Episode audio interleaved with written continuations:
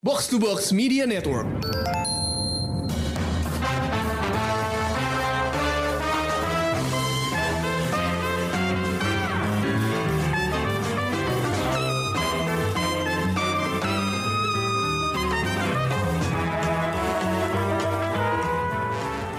And lo, there shall be another crossover. Karena di sini gue ada bersama Hai, gue Amy. Apa kabar? and Gua Rana, what up? kali ini kita bertiga aja. Eh, Lisa sama Kalia lagi dipanggil menghadap Arisham ya. Big Marvel release like last week because this week we are talking about The Eternals. Eternals ini gue bisa lihat ini semacam eksperimennya Marvel memperkenalkan karakter yang quote unquote unknown to general public kayak dulu mereka bikin Guardians ya. Tapi kalau gue lihat Eternals ini bahkan between comic fans ya yang tahu dan kenal dekat dengan Eternals tuh nggak banyak juga. Not like Guardians tuh kan Guardians is a cult thing lah kalau di Marvel pre pre movie tuh it's a cult thing. See. Eternals itu gue nggak yakin ada cultnya. How was Eternals for you guys? guys. Eh, Eternals, jujur ya, jujur. Ekspektasi gue eh, terhadap film ini tuh non-existent. Karena gue nggak kenal, seperti kata lo, dan gue nggak tahu siapa itu Eternals. Gue nggak pernah denger nama karakternya di mana pun. Maksudnya kalau lo bandingin sama Guardians of the Galaxy, gue pernah tahu ada eh, contohnya Adam Warlock gitu. It's a Hmm. Guardians karakter yang pernah nongol di eh, komik Marvel gitu kan. Terus waktu itu gara-gara Tony Stark gabung ke Guardian muncul di komiknya Guardians, jadi gue udah tahu Guardians itu siapa. Iya iya. Tapi kalau Eternals nih kayak asli gue nggak tahu. Who is Tina, like who is Ajax, gue nggak kenal sama sekali. Eh, dan apa namanya, eh, gue nggak kebayang aja ngeliat dari trailernya, ngeliat dari promo-promonya, nggak kebayang sama sekali filmnya bakalan jadi kayak gimana. Dan yang bikin rancu lagi adalah film ini disutradarin sama Chloe Zhao. Dan gue nggak tahu gimana Marvel bisa bikin film dengan sutradara semacam Chloe Zhao gitu. Maksudnya kalau nonton Nomadland terus lo mikirin hah dia nyutradarin film Marvel? Kayak does not compute gitu loh. gue gue masuk sebagai penonton yang ya bisa dibilang netral. Dan setelah gue keluar dari bioskop komentar gue cuman hmm So basically coming in super cold ya. iya Lo nyaris nggak nggak kayak nyaris nol gitu. nyaris nol dan hmm itu sebenarnya nggak negatif sih cuman cuman gue kayak harus memproses dulu ini film itu tuh maunya apa gitu. Karena gue gue berharap dengan ngomongin di podcast ini eh, gue bisa lebih apa ya memahami filmnya sebenarnya. Karena pada saat, karena pada saat gue nonton gue kayak masih intinya sih kayak gue perlu nonton lagi Sih, I love how honest you are about your feelings about the movie. Iya, I have to be honest kayak ini Yeah. pertama kalinya gue keluar di- keluar bioskop dan nonton film Marvel dan nggak yang apa sih nggak yang tiba-tiba pengen ngomongin gitu. Ntar dulu, ntar dulu kayak holding back dan kayak harus mikir dulu gitu. Makanya gue sebenarnya lumayan menantikan take ini karena uh, gue pengen tahu juga pendapat lo berdua tentang filmnya gimana gitu. Ya, that's fair, that's fair. Kalau lu gimana? Ran? Um, I, I want to give some context karena tadi lo sempet nanyain offline uh, tentang gue sakit. Gue sebenarnya technically masuk ke bioskop dua kali untuk menyaksikan film ini. Yang pertama di hari Kamis di minggu di mana filmnya keluar, gue nice try aja dalam kondisi uh, masih sedikit sakit, bukan secara suhu ya, tapi kepala pusing kan banyak yang dikatakan tentang wah ini Chloe Zhao sinematografinya bagus So I wanted to go early and watch it in the IMAX di Gancit. Ternyata migrain gue malah tambah parah. And this has nothing to do with the movie. Ini karena tempat duduknya gue dapetnya di, di, di depan. So sekitar menit ke 20-30 gue akhirnya you know what ini emang kayaknya gue terlalu sakit buat nonton deh so I went out besoknya di CGV gue nonton di Starium dan walaupun pala gue setelah nonton filmnya ada momen terus pusing lagi ya kayak migrainnya tuh kayak ganti sisi, it was still better lah. Gue bisa menonton dan menikmati filmnya. Um, and just some background context juga, uh, gue juga nggak pernah baca ya satu halaman komik pun tentang uh, komik Eternals gue nggak familiar dengan tokoh-tokohnya. Cuman mungkin satu hal yang membedakan dengan Guardians yang cukup obvious adalah it's very related uh, a lot of mythologies and stories that we know yep. gitu. Dan gue punya soft spot terhadap hal-hal yang sifatnya mitologis. I mean ketika gue masih kecil ya gue baca beda mitologi Yunani, Mesir, Babilonia yang muncul di filmnya, mini spoiler, Tyria dan lain sebagainya. So that's a part of just general culture that fascinates me as a kid, that fascinated me as a kid gitu. Jadi gue lumayan penasaran sama filmnya gitu loh. Gue juga memproses nih ketika keluar gitu loh, kayak it's not like kayak gue tiba-tiba ngerasa gila ya gitu loh. Cuman two things. Satu ya, gue tidak ikut episode kalian yang ngomongin Shang-Chi. Gue lebih suka Eternals daripada Shang-Chi. Itu satu. Dua. Mega hot take. Udah keluar ya, aja. Jujur, jujur. Gini, dua-duanya menurut gue at times suffer the same problem. Eksposisinya banyak ya. Um, but I'm much more fascinated dengan eksposisi di Eternals dibandingin the Shang-Chi. Itu bisa jadi bias gue. I don't think Shang-Chi Shang is much of a movie tanpa Tony Leung, to be honest with you. Nggak But, salah.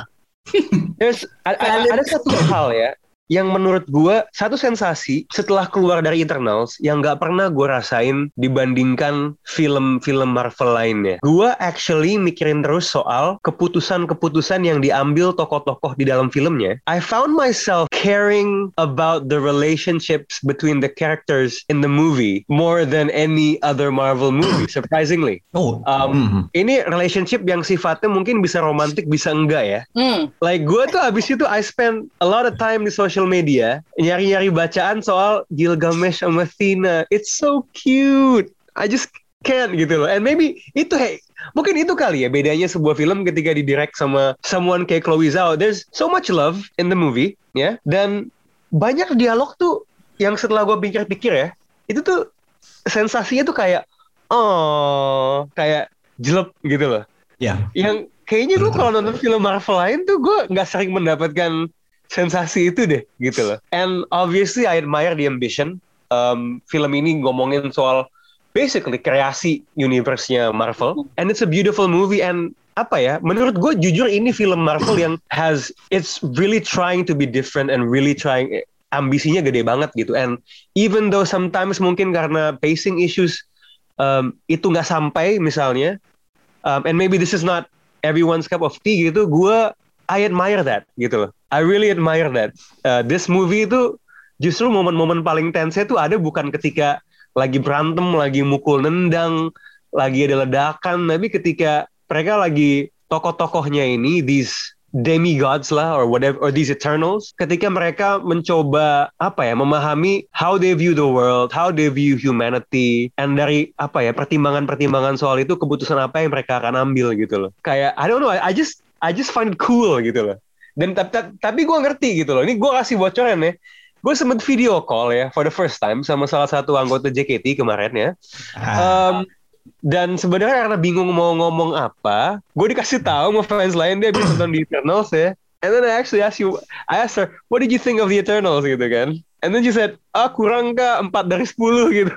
Ooh. And I'm like, oh no gitu. Tapi I can understand that gitu loh. Uh, kayak ini memang apa ya, taste after taste-nya tuh beda banget sama hmm. any any gede, other gede. film Marvel Cinematic Universe uh, in recent memory ya gitu loh. So itu sih mungkin ya. Uh, I'm I'm still obviously still processing how I feel about it tapi menurut gue angle yang diambil sama Eternals and what it, what it is trying to convey itu I love it gitu I admire it gitu iya yeah, to your point ya gue rasa tuh Eternals itu benar-benar film Marvel yang they try something different kayak they, they're taking big swings not all of them hits tapi when it hits kayak especially kayak uh, the humanness of the kayak the ironic humanity of the iya. Eternals gitu loh.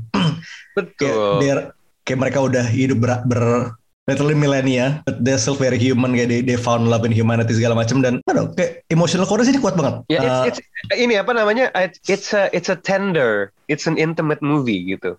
And itu dua adjektif yang gua tidak pernah bayangkan ketika kita ngomongin soal comic book superhero movie yep. gitu loh.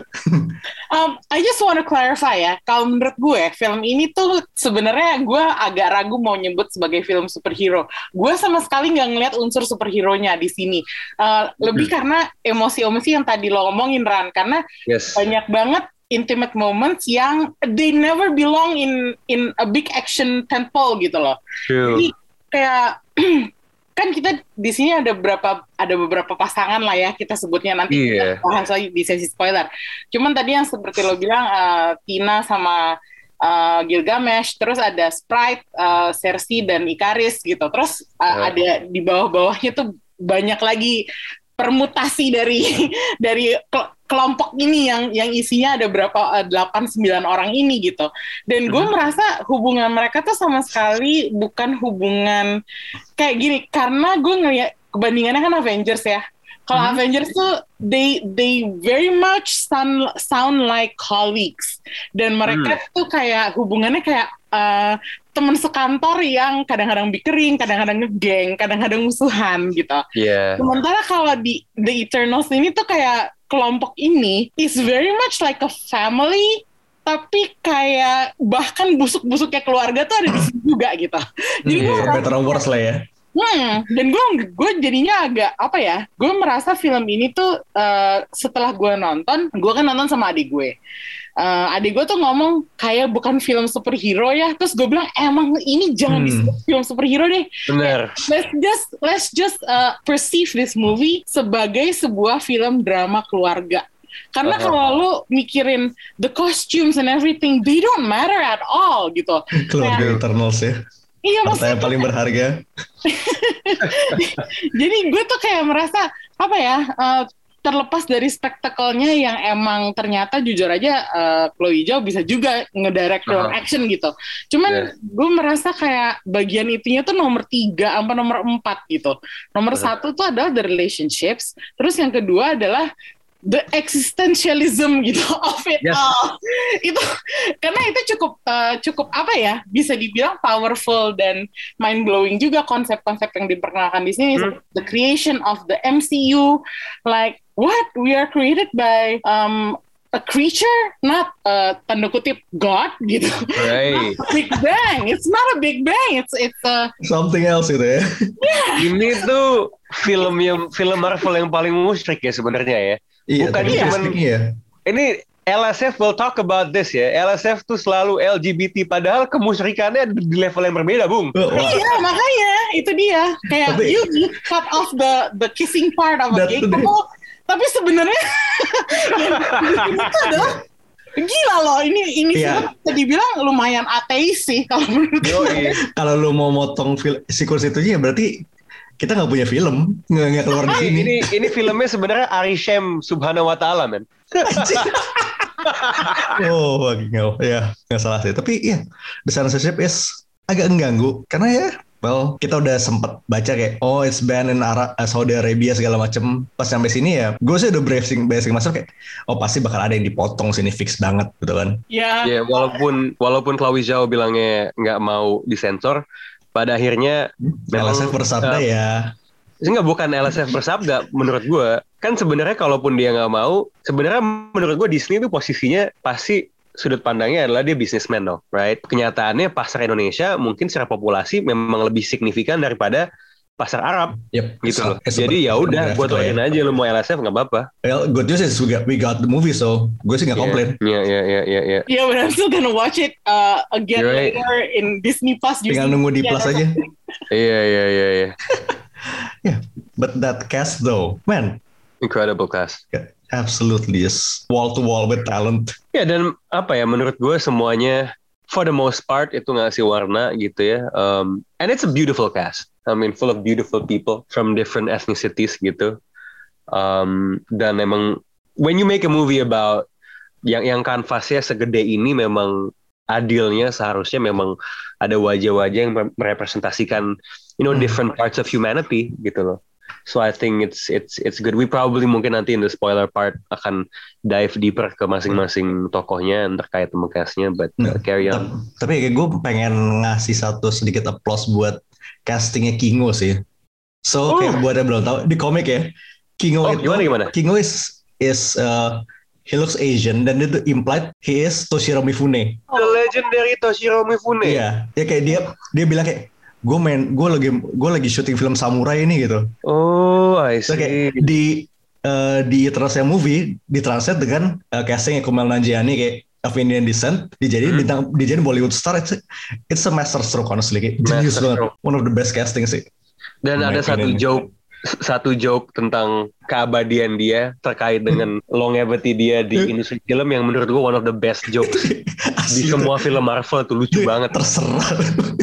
Lucu banget itu bangsat. genius. Some of the lines in this movie are, are actually ya lucunya a- as funny as any line I've seen in, in any Marvel movie sih. Gini sebenarnya kalau gue kalau gue lihat ya eh, joke Amin itu sebenarnya lebih rendah tapi kayak kok eh, le- makin tiap joke ya. lebih lebih lebih ngehit ya lucu banget Ya, Anyway, uh, mungkin it's about time again to the spoiler part to get to take us there. Kita bakal dengerin trailernya di Eternals.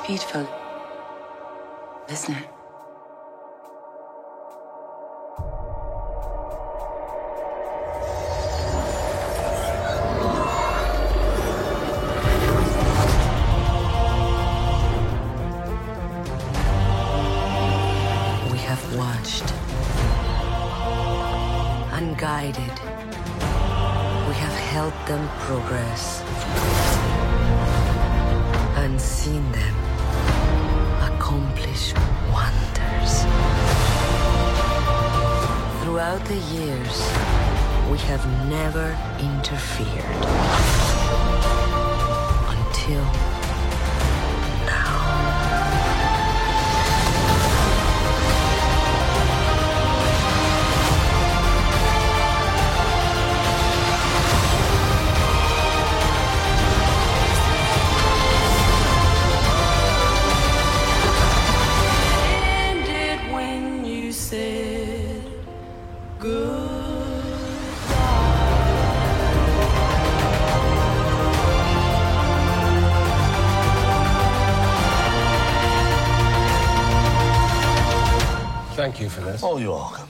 Captain Rogers and Iron Man are both gone, who do you think's gonna lead the Avengers?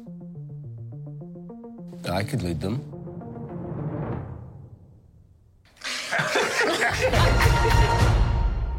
Oke, we are in the spoiler section dan boy, there's a lot to unpack, isn't it? Mungkin gue bisa start dari what you like and dislike as usual ya. Dari lu gimana Ran? What I like about this movie sebenarnya tadi gue udah sebut ya. I love the relationships. Um, the funny thing adalah menurut gue relationship I, I don't know if it's romantic or not ya. Tapi yang paling kena tuh justru yang paling nggak kena buat gue relationshipnya Cersei dan Ikaris ya. Maksud gue gue bahkan ya sebelum I go to my favorite relationship bahkan relationshipnya Makari sama Druid yang nggak ada momentumnya aja itu kelihatan lebih menggemaskan daripada daripada siapa Ikaris sama sama Cersei ya Drukarnya tuh lucu banget anjir. Iya iya iya. Kayak like like like Druid sama Makari lihat-lihatan aja tuh udah gemes sebenarnya ya. Um, Gilgamesh and Tina Don Lee is a fucking great actor ya. I wanna start at that deh kayak he is a man's man ya. Not just by the size of his biceps ya but the softness of his heart ya. Uh, Bener. Oh. gue tuh gue tuh sampai abis setelah ngeliat film itu tuh kayak ngeliat-liat uh, wawancaranya gitu ya behind the scenes-nya. Dan si it seems like Donnelly sama Angelina Jolie tuh lumayan struck a friendship outside of the movie and the relationship is like so so deep um, kayak bener-bener yang satu tuh menjaga yang satunya lagi. Men ketika adegan di mana Tina memorinya rusak, dia dibilang lo tuh harus di reset sehingga apa namanya eh, biar bener lagi tapi nanti ingatan lo bakal hilang. Terus dia kayak sedih. Gue nggak pingin ingatan gue hilang. Itu tuh gue awas itu gue lumayan mewek sih sebenarnya ya. Kayak I mean sometimes lo tuh kehilangan ingatan tuh gue ngerti kalau ada yang bilang itu lebih menakutkan daripada kematian, right? And then ketika si si Gilgamesh bilang I will take care of you and then terus di take care entah berapa ribu tahun. That's just so sweet gitu loh. Mereka hidup berdua di Australia gitu dan dia dengan tulus ngejagain si Tina through thick and thin. Gak tau gue gue gue tiap kali mikirin itu tuh pengen mewek. I really ship them man. Sorry ya guys ya. Iya, OTP banget sih kayak. I mean whether it's, it's like romantic thing or of platonic thing, it works both ways. Iya, gemes Dan yang gue suka gitu. kayak Gua- sebenarnya di film juga Gua- it's not Itu tuh- set itu either way juga gini. kan. Kalau kalau kalau ada orang ngomong nih ya di tahun ini Joker sama Harley Quinn relationship goals ya, gue tonjok anjing ya. Please, peak relationship goals itu mau itu romantic platonic itu adalah Gilgamesh sama Tina gitu loh. So it end jumping on to Tina. Gue gue gak ngerti ya, Angelina Jolie itu vampir atau apa ya?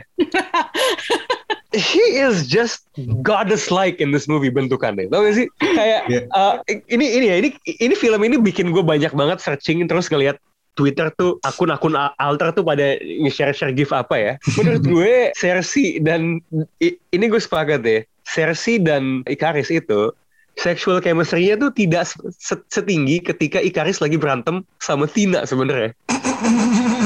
ketika Tina bilang apa? eh, ketika Ikaris bilang I've never uh, fought you. Terus si, si Tina bilang but I've always wanted to. Oh my god, apa pun orientasi lo, how do you not get a boner in that scene, man? how do you not gitu? And I also love, I also, I also like Fastos, you know. Oh, hmm. Fastos tuh is very maternal. He cares so much about humanity. Bahkan sampai mau ngasih teknologi yang terlalu canggih ya. No, that, I felt that him- scene tuh, that scene kayak Iya. gue mau kasih dia Steam, mereka Steam Engine. Nah, Iya. buat Ah, I give Lucu, the plow. Nggak, What iya. it? It plows. lucunya tuh konseptual gitu loh. Maksudnya emang it's it's rooted in the in the characters gitu loh. Tapi ketika Fastos turun dan dan berantem gitu, jago men berantemnya kayak kekuatannya keren gitu, kayak bisa bikin-bikin sesuatu gitu. I, I also love their powers, you know. It's semuanya tuh kayak konsisten with the gold kind of frames gitu. But but the way they they they use it is is, is so elegant gitu. Hmm. Uh, Makari itu sebenarnya menurut gue salah satu portrayal speedster yang yang yang yang paling seru sih dan walaupun dia nggak banyak ngasih kekuatannya when she's angry and when she uses it is is kind of cool gitu. So, I mean, gue gue masih lagi uh, rambling sedikit ya, just trying to remember what I like. Tapi yang Hmm. sticks out the most are the relationships dan yang gue paling suka gitu, yang gue terus mikirin berhari-hari itu Gilgamesh sama Tina. Yeah, that that's, that's a very very valid point sih. But what did you not like? Uh, what I didn't like, I think you have a case soal soal pacing ya. I mean, it, it is kind of slow. It just go, it, it also goes a bit back and forth. Menurut gua ya Ikaris sama Cersei itu se- serviceable aja sih sebenarnya ya. ya udah gitu ya. Iya, apalagi ya. Obviously censorshipnya bagi gue ganggu. So I think probably that kali ya. Hmm, Um, uh, hal-hal yang yang yang, yang kurang gue sukai gitu. But it's like the things that, that that I like from Eternals itu lumayan lumayan nyangkut sama gue gitu loh. Kan pada akhirnya kan gue gue tuh ngerasa ketika lo nilai film bagus atau enggak ya ini sebenarnya tuh perkara variabel gak sih lo let's say film tuh bisa lo bedah jadi banyak variabel banyak elemen right it's really subjektif subjektivitasnya kan ada ada di did you like uh, lebih banyak variabel yang lo suka atau enggak gitu loh. Nah gue ngerasa di film ini tuh ada satu dua variabel yang gue suka banget gitu loh. And that's why gue suka filmnya gitu. Kalau orang lain nggak nggak suka banget atau lebih banyak variabel yang ternyata miss dari filmnya ya uh, I get it juga gitu loh.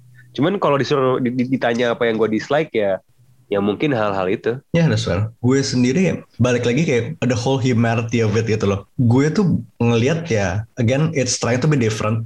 Kayak it doesn't always work, but when it works it does work. Karena ya the whole family thing, the whole family angle kayak lo punya superhero tim yang akhirnya benar-benar it's an actual family kayak quote unquote ya dibuat bareng-bareng gitu. Hmm. And the sheer fact bahwa kayak, ya this is something new kayak ini, oke kita punya udah pernah punya cosmic scale di cosmic scale movie di Guardians kan, tapi ini this is cosmic on, on a whole another level gitu benar-benar di upping di ending kayak, I mean coba lu your main kayak your main threat sini adalah a celestial about to be born from the inside the earth tuh kayak literally world shattering consequences gitu loh. Ya, I mean ini tuh ini tuh film ya mungkin ya kalau agak disederhanain ya tentang malaikat-malaikat yang dikirim untuk eh, menjaga umat manusia yang kemudian membelot melawan Tuhan rata-rata agendanya Tuhan tuh bukan seperti yang pada awalnya diwahyukan kepada ma- malaikat tersebut gitu loh. Hmm, ya kayak walaupun sebenarnya ini sebuah, I mean the concept is very sledgehammered in, tapi kayak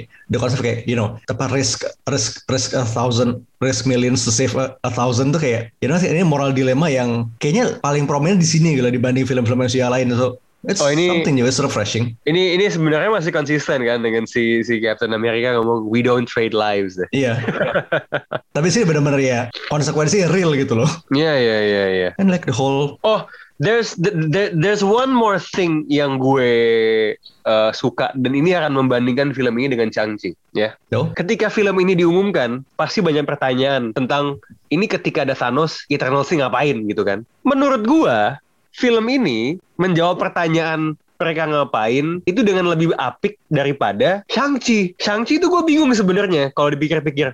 Ini Ten Rings tuh ngapain, man? Did they disappear or not ketika blipnya? How do they actually rule from the shadows ketika ada Hydra? You know, that actually that, that movie leaves a lot more questions in my head soal posisinya di dunia Marvel dibandingkan Eternals yang kalanya eh, jauh lebih gede gitu loh. Tapi considering kan uh, the relationship between Thanos and the Eternals, which we'll get into in a in a little bit.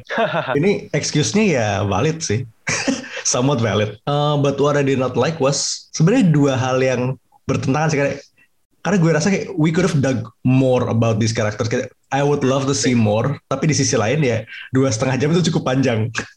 Hmm. Attention span gue udah mulai rusak jadi kayak dua setengah jam tuh udah, I'm finding it starting to hard to focus. Ya. Itu kayak, but kalau lu ngambil satu, lu gak bakal bisa ambil satu lagi. Gue pengen ngeliat mereka lebih banyak, tapi gue gak bakal kuat nonton film 3 jam. Alias ini satu lagi trope di mana manusia tidak pernah puas. Kalau lu gimana, Mi? Kalau gue yang gue suka terutama ya tadi udah eh, udah mungkin kita sempat agak mungkin mungkin MCU yang lainnya. Tapi gue suka bahwa film ini nggak seperti film MCU yang lain. Kemarin-kemarin kita kalau ngobrol sama abang, eh, dia sempat bilang udah mulai lelah nonton nonton ini itu kayaknya Iya. Eh, formulanya sama gitu, formula Marvel. Justru kali ini kalau menurut gue film ini gue suka karena nggak ada hubungannya sama MCU on the whole. Oke, memang But at least Blip kayak disebut. not directly related lah ya. Ya, jadi kayak oke The Blip disebut, Thanos disebut, cuman kayak kaitannya secara sinematis tuh nggak nggak terlalu nggak nggak terlalu dibahas atau nggak terlalu tonjolkan gitu loh. Ya. Jadi kayak gue sih percaya percaya aja bahwa mereka tuh nggak boleh interfere pada saat Thanos nyerang. Eh, ya gue percaya karena mereka memang nggak boleh interfere, mereka dilarang untuk campur tangan gitu. Eh, dan gue merasa ini lumayan refreshing ya. Jadi kayak lo nggak harus eh, mikirin kaitannya dengan film Iron Man kedua gitu loh. Kayak apa sih? Kayak nggak harus eh, nyambung-nyambungin ke mana pun, lo beneran bisa fokus di satu film ini aja gitu. Eh, tapi at the same time, eh, yang gue juga suka eh, dari film ini adalah mungkin mungkin ini gue pandangan gue nggak bener ya, tapi I just have to say this is like the truly Marvel Marvel's answer to Justice League karena Woo. karena Hmm. gue merasa karakter Ikaris itu dan ini disebut di filmnya Ah iya betul. di dibilangin kan di joke eh, bahwa Ikaris itu adalah Superman.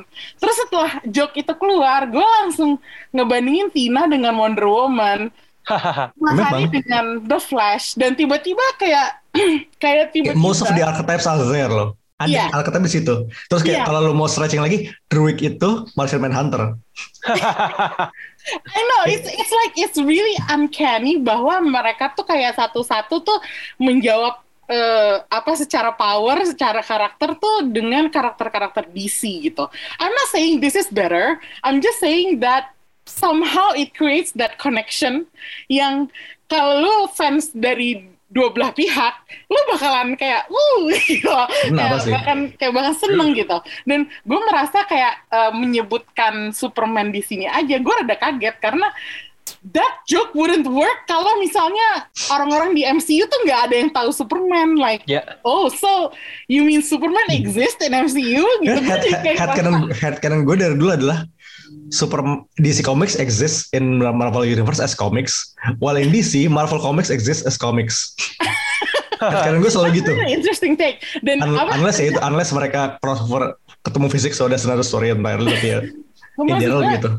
maksud gue itu kayak hanya kecil aja dan dan itu udah bikin gue kayak lumayan gini gitu kayak apa sih Eh. kok kok ternyata bisa ya dijawab kayak gitu ya dan yang kepikiran sama gue adalah ngebandingin Justice League-nya uh, Zack Snyder gitu Zack Snyder's Justice League this is Chloe Zhao's Eternals gitu jadi kayak Ah. gue merasa dua film ini lumayan bisa dibandingkan lah gitu kalau dari segi art dan cerita dan you know uh, journey-nya gitu. Dan nggak tahu kenapa I, I was suddenly thinking about uh, Zack Snyder's Justice League in the middle of the movie dan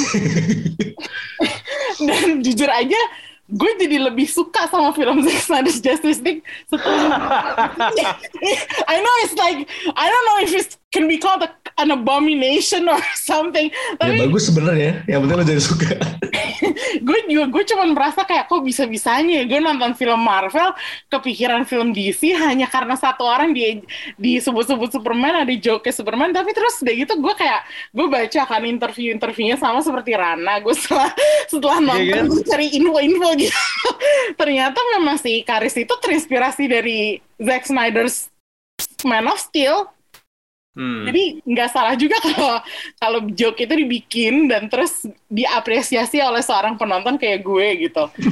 Dan nggak tahu juga mungkin eh, mungkin karena ini eh, pertama kalinya gue ngelihat seorang sutradara cewek nanganin film Marvel gitu. Directionnya tuh beneran kerasa beda gitu. Um, Uh, Black Widow was also Kate, Kate Shortland kan? Berarti Oh nomor iya, dua ya? iya, but uh, it's a it's a different uh, game ya, karena Iya. kalau menurut gue um, Kate Shortland mungkin masih lebih diarahin sama Marvel. Kalau Chloe Zhao kan outer banget Eh, kan. Iya, it's Yes, it's a very outer like sure. outer like movie. Ha. Nah itu dia. Jadi gue merasa kayak directionnya tuh di sini tuh berpengaruh banget uh, kepada hal-hal yang yang kita lihat dan kita bahas tadi, relationshipsnya. Terus udah gitu uh, apa ya? The the humanity, the complexities of these people, of these characters itu semua kalau menurut gue itu adalah karena dia ditanganin oleh uh, seorang author kayak Chloe Zhao gitu. Tapi yang kalau gue boleh bilang dislike-nya itu adalah this movie is definitely not for everyone. Kalau lo nanya sama casual moviegoer yang be- yang nggak kebiasaan kayak kita ngebahas film diku, dikupas dari dari kulitnya sampai ke biji-bijinya di dalam gitu kayak they wouldn't get this. Mhm. Itu akan lewat aja semua dari pandangan mereka gitu. Mereka hanya tahu mereka entertain atau enggak dan Yeah. I wouldn't say this was the most entertaining movie gitu loh. Yeah. Jadi ya sayang aja bahwa nggak semua orang bisa memahami makna di balik presentasi Hmm. ini gitu. Ya, Gue- it's a bit of an acquired taste ya. Iya, makanya gue nyesel aja sih karena kenapa film ini tuh segitu polemiknya gitu. Bahkan dengan Rotten Tomatoes bilang ini bukan film bagus, itu kan orang udah akan terpengaruh. Meskipun banyak orang juga bilang, ah gue nggak dengerin Rotten Tomatoes, gue nggak peduli Rotten Tomatoes. Tapi of course general public yang nggak tahu juga kan pasti ah kata Rotten Tomatoes jelek nggak usah nonton aja gitu. Hmm. Ya Gua agak mau- agak sayang sayang aja gitu loh.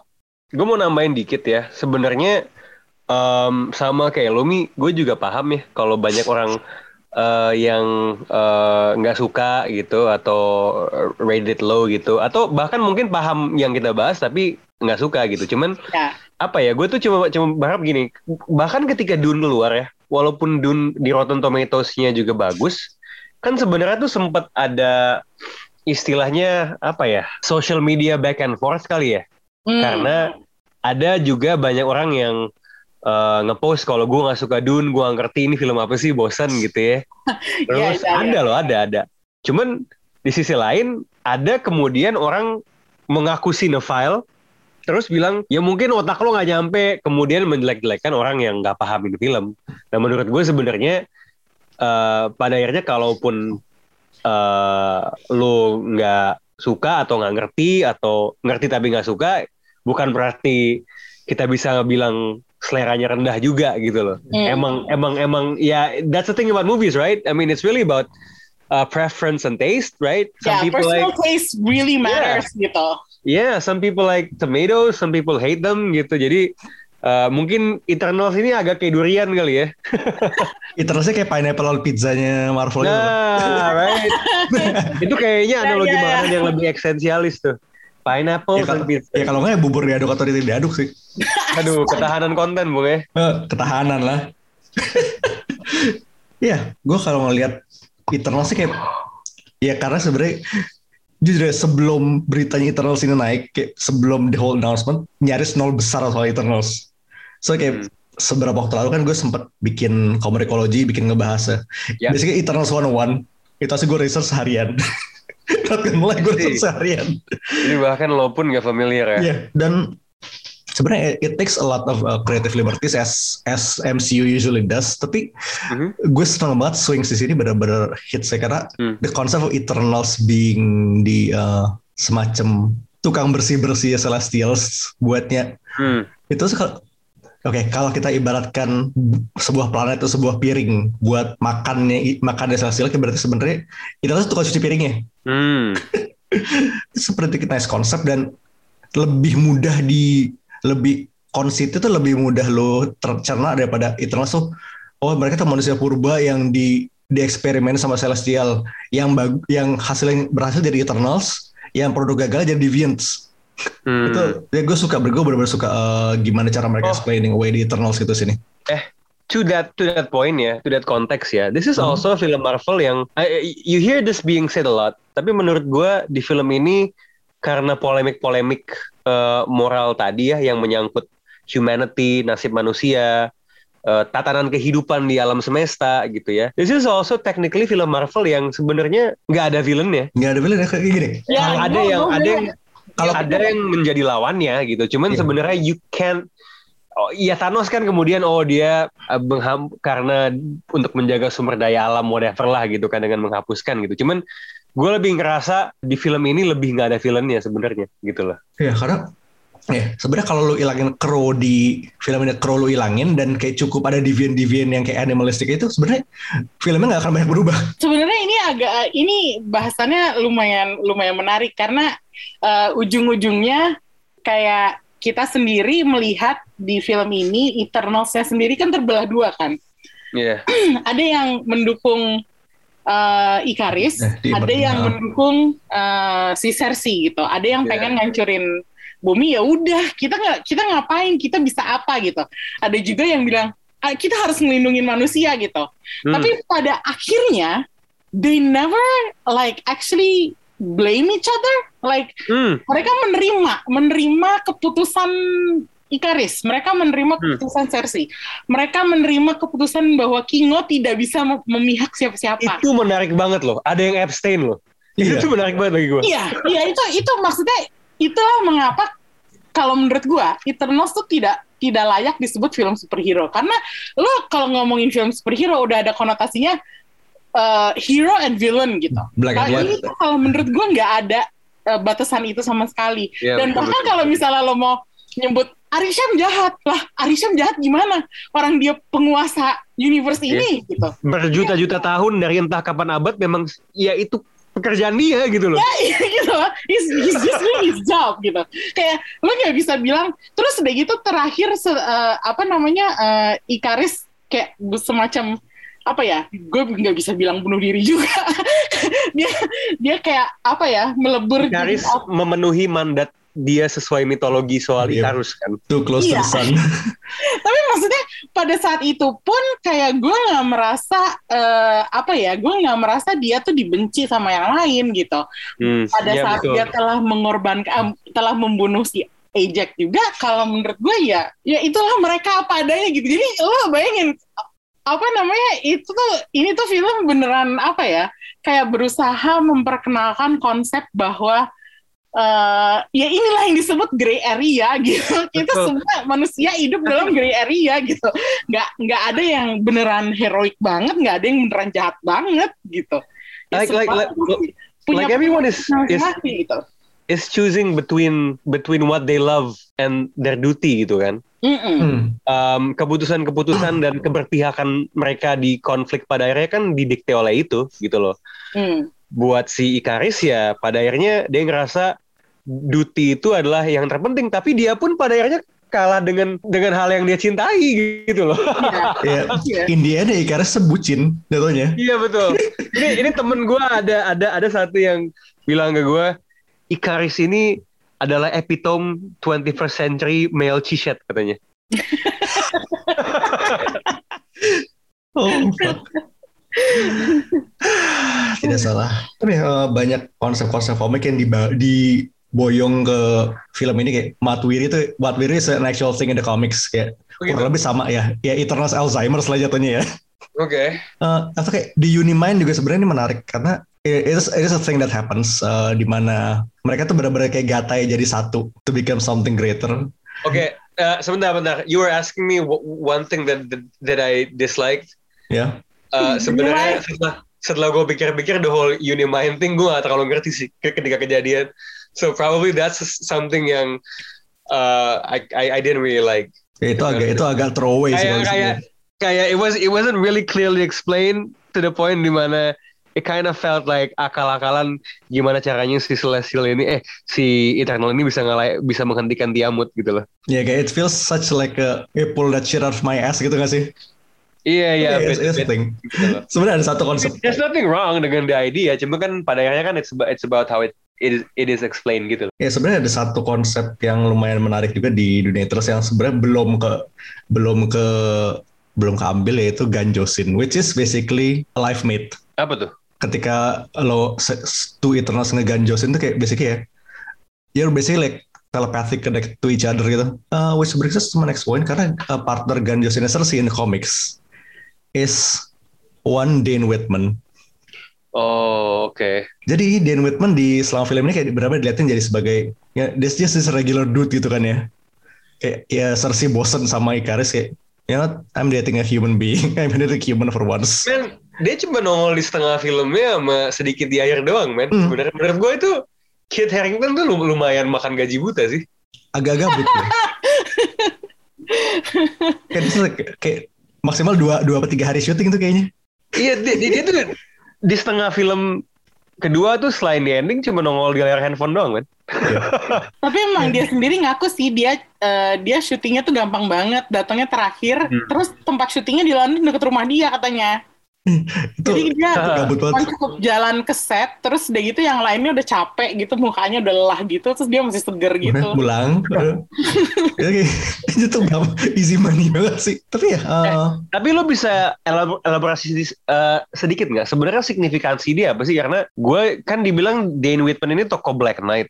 yes. Uh, so who is Black Knight? Signifikansinya apa? Dan maybe you can actually tell us a little bit tentang signifikansi dari uh, post credit scene yang ada Oke. dianya. Ya, which brings the point. So, uh, di tengah film tuh kayak si Den, Den itu kayak ngomong pas, ya, pas itu ya, pas sebelum Cersei ditarik menghadap Arishem lagi, Mhm. uh, dia sempat ngomong kayak, ya my uncle is something something gitu kan. Jadi pamannya itu adalah, uh, kalau di komik dia itu super villain, uh, the Mhm. Black Knight too. So dia tuh kayak membawa lineage the Black Knight yaitu Black Knight as in an evil knight during the king during Arthurian times. Hmm. Oh, Terus di post credits kan dia, dia entah gimana nemuin uh, kotak sebuah uh, chest berisi Hmm. dia Ebony Blade tuh ya pedang hitam itu. Hmm. So dia Itu Ebony Blade, dia Blade itu basicnya adalah oh, kayak quote unquote ya di apa di bad counterpart of Excalibur gitu kayak apa Oh, oke. pedang pedang mistis haus darah gitu. Excalibur jahat ya, menarik. Oke, terus. Terus kan evil Excalibur ya. Kalau di komik itu kayak Dan itu uh, he's been like dia emang sering banget struggling untuk uh, resisting the influence of the Ebony Blade. Jadi kayak bener-bener kadang kalau emang bener-bener dia in control, dia, dia berserk. Hmm. Ya, so jadi tapi pertanyaan gue adalah kenapa terus dia ditanyain sama si Marshall Ali? some dude off screen ya. Jadi technically Suaranya ya. di sini tuh Iya, terus the voice of Mahershala kan? di sini tuh ada dua orang blade. Ada dua buah blade. Oh. Yeah, I mean like what's the connection between Dane Whitman dan Blade gitu? Uh, I mean ya, as we know ya, Blade, the Blade the person itu vampire hunter. Berarti dia punya koneksi ke eh, the, the mystical side of the Marvel universe kan. Hmm. Dan kita ngomongin Ebony Blade, uh, it's steeped in mythology ya. Technically speaking ini bakal lumayan lari ke arah mistis juga kan, ke arah klinik juga gitu. Oh. Jadi feeling-feeling gue ini kayak planting the seeds for for an eventual kayak Midnight Suns like team up. Jadi tim yang isinya tim yang isinya mystical people. So kemarin juga Werewolf by Night tuh ada castingnya kan? Who was cast again? Oh, itu Uh, gue gak tahu tuh. oh, uh, Gael Garcia Bernal. Oh oke. Eh, dia berapa minggu yang lalu di casting sebagai uh, werewolf by night, which is obviously he's a werewolf who transform at night, At night. obviously. Oke. Eh, ya, jadi kayak Itu dia siapa? he's a werewolf.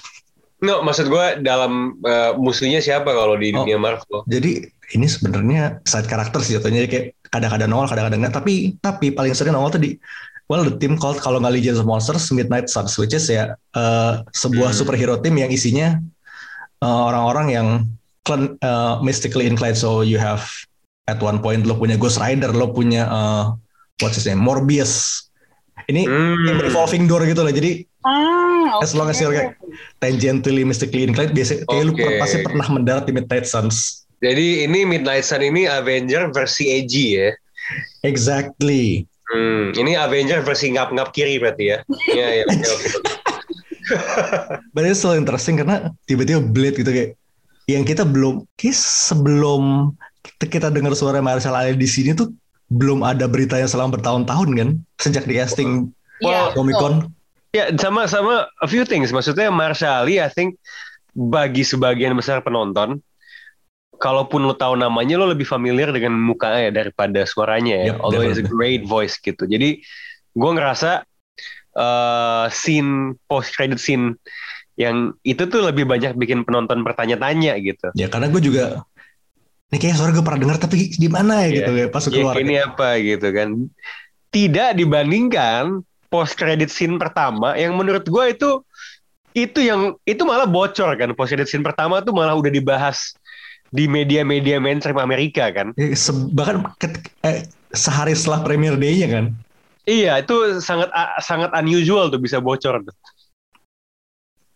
Ya, Tapi kalau menurut gue after credit scene yang pertama tuh yang uh, the Harry Styles thing. Yes. Kalau menurut gue kayak itu cuman kayak fan service aja sih. Kalau Iya ya. karena Makanya dibahas. coba deh, uh, I mean, apakah Eternals akan dapat sequel gitu? Well, Kalau menurut gue enggak gitu kan. well, sebenarnya kayak udah dikasih di Eternals will return kan. So I'm guessing yes. Ya, will return. Or, or return in in other properties. in another movie Iya. gitu. Maksudnya bisa aja Possibly. gitu. Cuman Kayak kalau menurut gue nggak akan nggak eh, kecil kemungkinannya untuk Eternals tuh dapat sequel gitu. Jadi kalau kalaupun eh, gue nggak tahu ya misalnya apakah eh, tiba-tiba si Harry Styles dapat film Marvel sendiri bisa jadi terus nanti ada Eternals-nya gitu. Tapi Kayaknya sih gitu ya. kalau gue saat ini menganggap uh, dua uh, si after credits yang pertama yang ada Harry Styles itu lebih ke fan service aja kayak oh let's connect this to Thanos by giving him be- by giving everyone his brother gitu terus udah gitu Oh kan man. yang ada pertanyaan di di semua orang adalah kok adanya nggak ungu ya Nah, nah, Darin, oke tadi kan gue sempat bilang we'll get to the whole Thanos thing. But first things first, kayak sebenarnya gue kaget juga ada dua debut di satu di sini tuh. So the little guy, Pip the Troll, voice by Patton Oswalt by the way. Oh itu benar. oh my Udah Patton Oswalt. god Jadi setelah dia Oswalt berarti udah tiga kali muncul di Marvel loh. Eh, as the Dia Phoenix, langganan Phoenix, Modok, sekarang Pip. So Pip the Troll ini, well, he is a little troll. Dia biasanya main sama di more cosmically inclined people, so kita ngomongin uh, what's his name, Ray Bill, kita ngomongin Thor, you know, space people. also, Harry Styles is Eros aka Star Fox, the brother of Thanos. Jadi di komik emang beneran mereka kayak actually kayak adik kandung. Hmm. Uh, Yeah. So, kenapa Thanos ungu? Now you ask. Why he's not purple? First, like, first, why why is not purple YS? Karena itu sebenarnya Thanos yang apes. Dia tuh dia dia sebenarnya eternal. Dia eternal yang jadi kayak di komik itu ada eternal yang tinggal di Olim Olympia Olympus gue lupa ya. Ada yang tinggal di dekat bumi, ada tinggal di nah eternal eh, Thanos ini termasuk eternal tinggal di yang lahir di Titan, tapi dengan dengan apa sih dia kena deviant gene, which is ya biasanya kayak mutant gene but in eternal. Nah. So jadi karena itu dia ungu. Sebenarnya gini, pertanyaan gue yang berikutnya adalah, oke, sebenarnya kan walau eh, nggak ada nggak ada penjelasan eksplisit di adegan itu bahwa statusnya dari si Eros eh, ini adalah dia eternal ya. Se se- seingat gue nggak ada nggak ada penjelasan yang se-eksplisit itu gitu loh. Kayaknya ada nggak? kayak he was Ada nggak? built as an eternal gua, sih. gua nih eternal gitu. Dia dia ada nggak di ngomong kayak gitu? Gua gua sih nggak ingat. nggak nggak disebut bahwa dia eternal juga tapi disebut bahwa dia adiknya Thanos itu disebut Oke jelas-jelas oke. Nah ya makanya gua, gua tuh agak penasaran bagaimana ke depannya status eh, di KTP-nya Eros dan mungkin Thanos yang di, di sis tuh ditreat dalam hubungannya dengan Karena kan sangat jelas bahwa dari film ini Olympia sebenarnya tidak ada and they are basically you know robots program to do their job gitu. Berbeda dengan Thanos yang punya agendanya sendiri Atau sebenarnya- dan mungkin Eros so so how will they how will they di- distinguish eh eh, si Eros dengan Stupid, stupid answer gue adalah simply they are like brothers, not bukan bukan saudara kandung, tapi seperti saudara. you know, his Oke. bro. No, no, enggak, enggak. Mungkin gini kan kalau kalau Eternals yang ke bumi, dia kan kayak oh kita nih punya tugas, kita nggak boleh interfere dan lain sebagainya kan. Hmm. Nah makanya gue penasaran apakah Thanos dan Eros ini statusnya akan Eternals karena kan mereka jelas tidak melakukan, tidak terikat kode etik profesi seperti Eternals yang lain gitu loh. Hmm. We'll see. Tapi makanya itu eh, tadi yang apa namanya yang eh gue nggak tahu tadi yang ngomong Dana apa Rana ya cuman cuman em, apa eh, the origin of Eternals di sini kalau menurut gue agak berubah kan dari komiknya Iya. bahwa ter- ternyata mereka eh, manusia bukan manusia synthetic beings gitu. Bukan apa ya kayak ya bisa dibilang malaikat gitu ya. Kalau kita nganggap si afraid. adalah the god gitu. Jadi ya of course mereka adalah malaikat gitu. Cuman kayak setahu gue kalau di komik eh, Eternals are are not not synthetic. They're they're a people gitu. itu mereka tuh kayak eh, manusia manusia purba yang di eksperimen eksperimen celestial. Hmm. Ya, dan yang berha- eksperimennya berhasil menjadi Eternals, eh, sementara Yang gagal jadi- jadi Deviants gitu kan. Ah, Sementara di sini Deviants udah ada sendiri gitu. Iya. Ya, uh, I'm also wondering itu uh, di diubah seperti itu adalah apakah untuk simplify ataukah ada alasan lain di balik perubahan itu gitu. Karena kalau menurut gue ini bukan sesuatu yang su- sutradaranya atau penulisnya yang nentuin. Ini kayaknya sih kerjaan Feige gitu loh. Hmm. kayak Kevin Feige pasti menentukan like this this this thing this origin. Like Hmm. gimana uh, lo menjelaskan sebuah kaum ini gitu. Dan mungkin ada penjelasannya di masa yang akan datang kali gue nggak Hmm. tahu Jadi, jadi. Tapi sebenarnya kayak this whole synthetic business sebenarnya bikin Oke, jadi di komik itu Eternal sebenarnya kayak they are just that eternal. Kalau mati bisa resurrect lagi. Tapi di sini dibikin lebih gampang. Oke, kalau inget mereka tuh one, mereka synthetic beings dan dua, memori mereka disimpan di database di, di World Ya. Force ya kan. ya Jadi misalnya deh, lo punya backdoor gampang banget kalau lo mau balikin Ejak sama Ejak Ikaris sama Gilgamesh. Hmm. hmm. Iya dan cetakannya juga kayaknya ada gitu kayak udah Iya, cetakannya udah ada. cetakannya ada dalam bentuk Gilgamesh dalam bentuk Ikaris dalam bentuk Ajax gitu dan gue sekarang jadi kayak berkepikiran satu hal lain dengan ka- berkaitan dengan karakter Marvel lain yang kita tahu juga sintetis yaitu adalah Vision gitu kayak I mean eh, ini kayak aside aja sih, cuman cuma sampingan aja. Cuman gue merasa kalau apa namanya eh, Vision itu misalnya ada memorinya masih di storage di mana gitu, terus dibikinin badan baru, gue rasa ya udah selesai itu masalahnya si Wanda. Kalau gue sih mikir gitu. bisa, bisa. Ini ini very possible. sebenarnya cheat code cheat code baru yang muncul dari Eternals itu banyak sebenarnya. Iya ya. Ah, ini cheat ini cheat code paling obvious itu loh. Ya kayak kalau emang gak, kalau it's like they're putting kayak the Chekhov's gun on the shelf ini benar-benar kayak you see the gun on the shelf lu tinggal tinggal nunggu kapan ini diambil dan dipakai. Yoi. But it's a very nice backdoor yang berguna juga karena man, I want to see more Gil Gilgamesh, please. Ah, Eternals ya, it's a, it's definitely a movie kayak beda. It feels different dan it's for the better I think. Bener-bener kalau- rasa baru. lo kalau udah bikin 20 something movies menurut gue lebih baik lo coba yang baru dan gagal daripada lo sukses biasa aja tapi aman gitu loh. Hmm. Ya betul betul.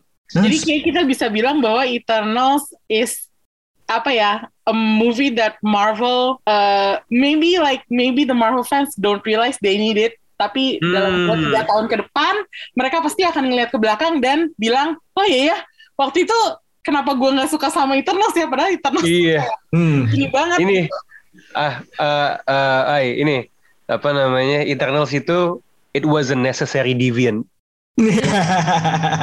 Yep. ya ya Ya, good ya. good good Also ya, speaking of tiga tahun ke depan, satu tahun ke depan, dua tahun ke depan, so there's a lot of things to look forward to within the next month alone.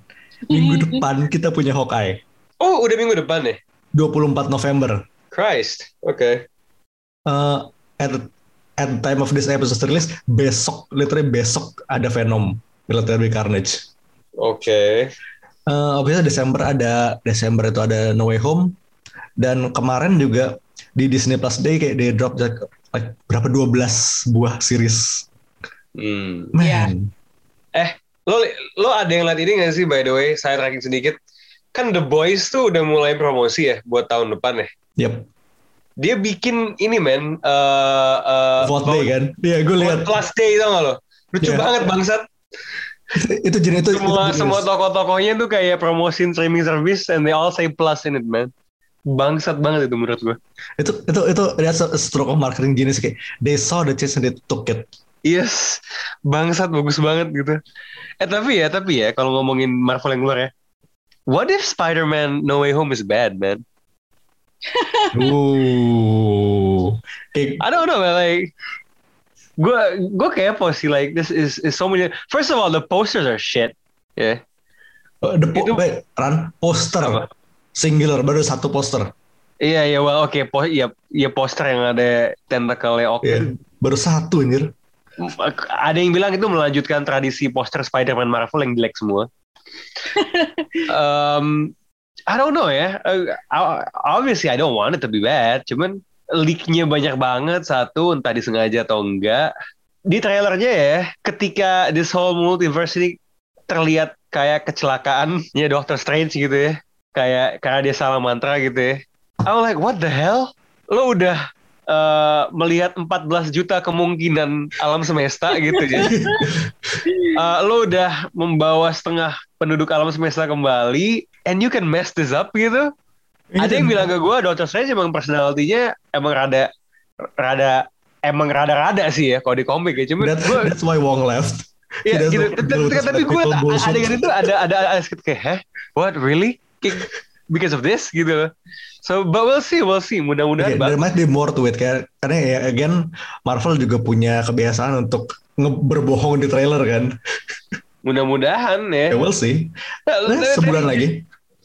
And I've, I've I haven't seen a movie with five villains gitu. Five or six villains ya. Kalau emang bener ada Hmm. semua. Tiga aja udah Uh, bingung sih. Iya makanya. Ya tiga aja Spider-Man tiga aja gue udah agak pusing gitu kan. So I don't know, I don't know ya. Tapi akan sangat menarik aja kalau misalnya ternyata that movie is like a hot a hot mess gitu loh. We'll see, we'll see. On one way to find out. 12 series Disney Plus.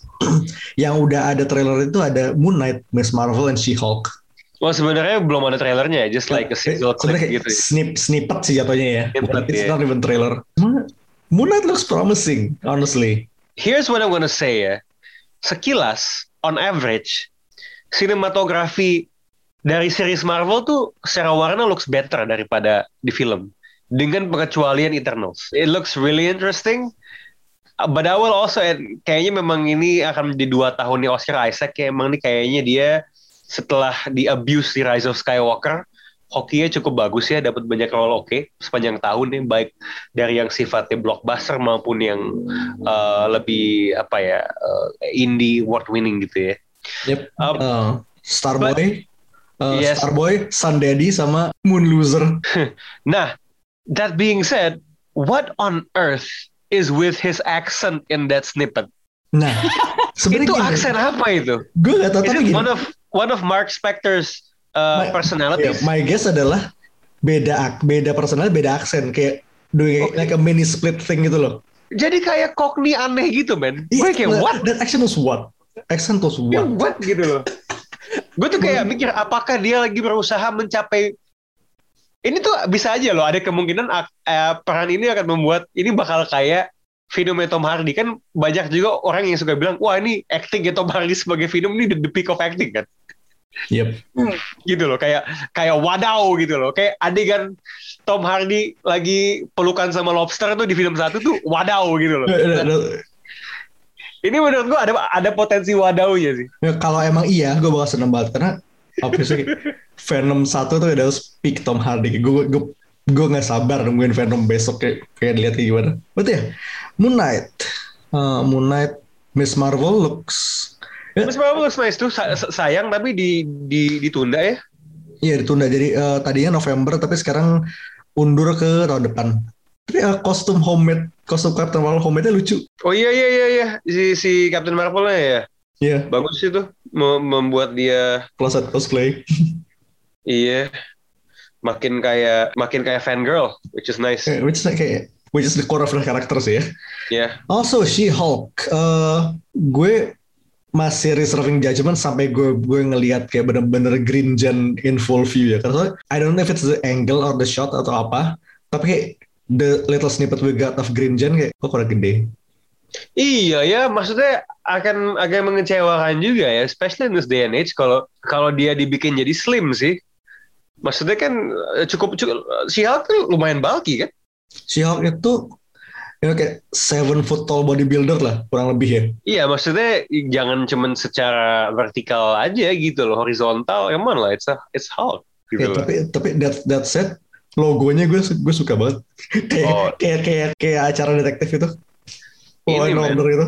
Kemarin di di Twitter ada yang bilang, wah ini kayak logonya kayak gender pronoun. Iya. My pronouns are She-Hulk. Si garis miring Hulk. nggak salah. Betul ya. eh, selain itu ada X-Men 97. Ini kayaknya eh, revamp series X-Men yang jadul with the original cast returning. Ya ini adalah bagaimana Disney milking, milking their IPs mencari sudut-sudut yang bisa dicuankan, Hmm. yang yang yang yang harusnya nih kalau nggak terlalu bagus pun masih bisa works. Bisa lah. Iron Heart, Iron Heart, I Am Groot, dan animated series. Hmm. Echo, ini Echo ini belum nongol, udah dapat series sendiri nih. Ini di ke, Marvel Space. tuh deaf ya, A- a- atau bisu ya? Eh Iya, she's deaf. Oke. Oh, just, uh, just going back to Eternals, menurut gua ada satu momen ketika si Makari akhirnya bersuara ya, itu powerful banget sih menurut gua. Iya, Iya. iya. Waktu dia pikir si druidnya udah mati mati. kan. Iya. It- and terus langsung ngamuk kayak, oh, ain't gonna mess with this bitch, man. Iya, Terus yang gue gue seneng kayak gue pernah gue sempat baca berita ke mana kayak eh, interest in learning ASL langsung naik abis Eternals keluar. Which Yeah, that was nice, man. That was great. yeah. That's that's what movies could and should do, man. Ya, Echo. So, dia gue penasaran dengan Echo bakal gimana because she's actually pretty cool. Yeah. Basically kayak lo tahu lo Taskmaster, ya powernya kurang lebih sama. Oh, jadi Dia bisa niru-niru gitu. Ah, Oh, so that's why namanya Echo ya. yep. Eh, Marvel Zombies di animated series. Kalau ngelihat Marvel Zombies yang kemarin di What If lumayan keren. I'm excited for this. Oke. Dan mereka pakai logo yang lama. Secret Invasion ini yang udah fix itu yang the, the Nick Fury thing. Oh iya iya. Ini yang kayaknya paling ada konsekuensinya nih ya dari Ah. semua seriesnya ya. Oke. Karena terakhir kita lihat Fury ya dia he's on a freaking space vacation. Ya. Agatha, Har- House of Harkness. I mean, well she stole the entire show in WandaVision, so Ya itu justi- justifikasinya itu kan karena dia the show makanya di, dibuatin series. udah gitu. Jadi sebenarnya gitu kalau lu jadi aktor dan dan dan dan uh, perannya pendukung gitu ya di series Disney, just go all out karena you never know. Siapa Bisa tahu aja. dibuatin series sendiri gitu kan. Kayak lo pikir si Catherine Han tuh nggak ketika dia dia bakal punya series sendiri. Kalau gue sih enggak. enggak sih. Ini ini dibikin coba lihat. Ini di announce sekitar nyaris tahun setelah WandaVision premier kan. Iya. Berarti kayak udah lah, dia pasti nggak mana mana mana mana ada plan di situ. Spider-Man Freshman Year ini animated series uh, focusing Ini kita akan melihat- Spider-Man. Ini ini menurut gue ya. at rate ja- ya. Sorry. At, at this rate ya, menurut gue sebaiknya biar semakin lucu yang jadi Uncle Ben itu Sean Bean aja. Ya. Jadi ntar Uncle Ben episode 1 episode 1 voice by Sean Bean. Oke. Ya biar biar biar biar Ya oke, ini ini kan Uncle Ben ini udah akan mati. Dia bakal S3 dalam bidang kematian nih bentar lagi Uncle Ben. Iya udah. Heeh. S3 loh, jangan salah loh. Udah S eh, kalau di di secara universe Spidey big screen kan S1-nya Sam Raimi gitu ya. S2-nya yang si eh, siapa namanya Andrew Garfield tuh.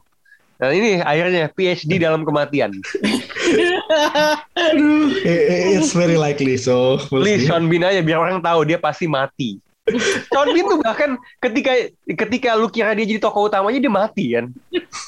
Iya, wajahnya dipampang di poster, tetep aja mati. Iya.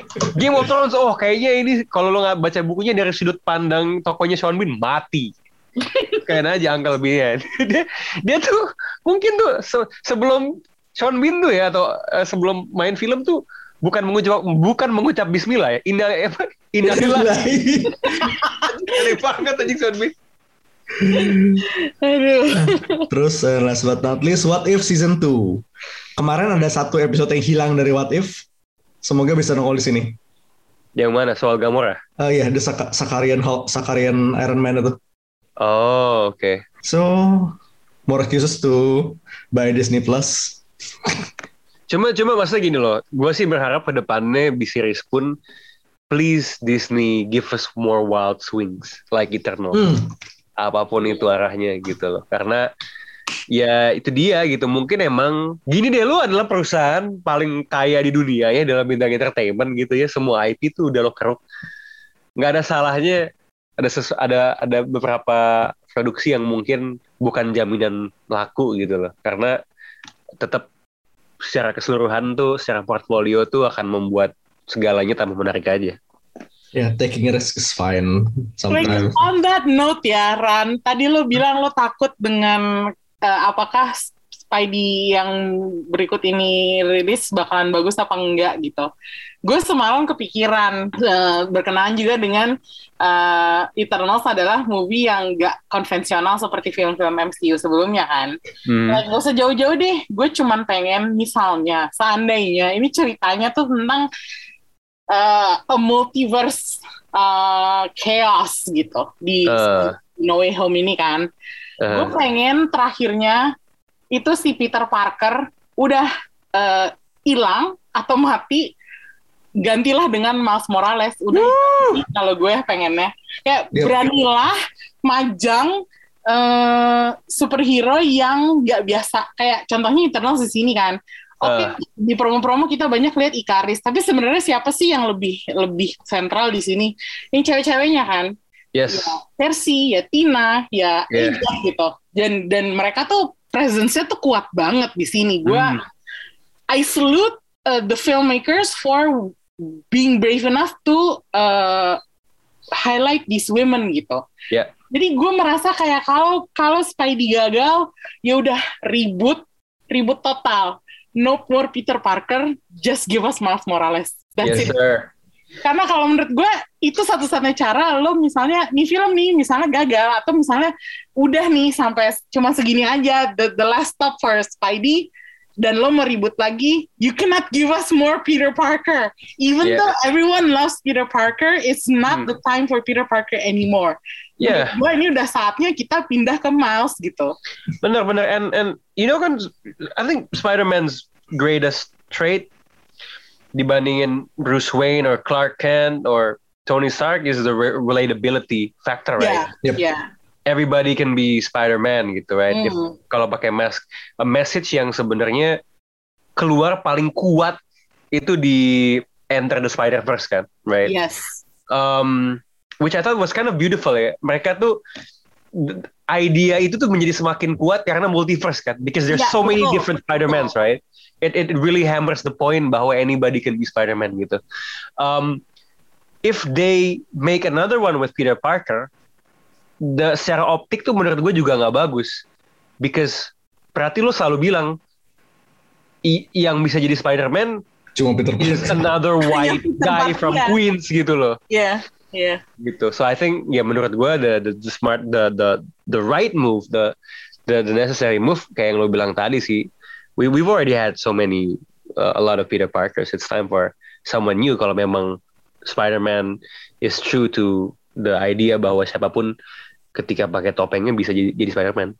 Iya dan itu jadi gue setuju dengan dengan eh, pendapat yang mengatakan bahwa take the risk gitu. Maksudnya Hmm. udah bukan saatnya lagi kita main aman gitu dengan rehashing the same old characters, the same 10 tahun ini kayak ngeluarin film pasti pasti bakal orang pasti bakal pada nonton anyway gitu. Iya gitu. Kalau misalnya lo mau sesuatu yang beneran kayak oke you need to make uh, a new trend ya lo trennya adalah mulai sekarang lo harus mulai nunjukin sesuatu yang uh, risky gitu yang bisa Iya. jadi panutan studio lain gitu kan kayak ya udah what why not a black superhero gitu Hmm. Um, menurut gue sih kayak just take the risk dan emang saat ini gue rasa si MCU memang lagi beneran butuh gitu. Seperti Iya. bilang tadi Eternals mungkin tahun ini masih karena setelah Black Widow dan Shang-Chi ya juga ma- mungkin masih kayak belum bisa diterima secara luas gitu. Cuman kayak 2-3 tahun lagi who knows people were gonna look back and say that Oh iya ya, Eternals ternyata oke juga ya gitu. Harap ya, history kayaknya bawa-bawanya sih. We'll see, we'll see, we'll see. But yeah, Marvel take more risks. Kita take away utama yang kita dapat dari sini. And with that, that will be the end of this episode. Yeah, again, thank you Rana, thank you Amy for coming. Yo. thank you. We will be seeing you for Venom very very soon. Busy month, busy month. For now, this is Mindan signing off. Bye bye.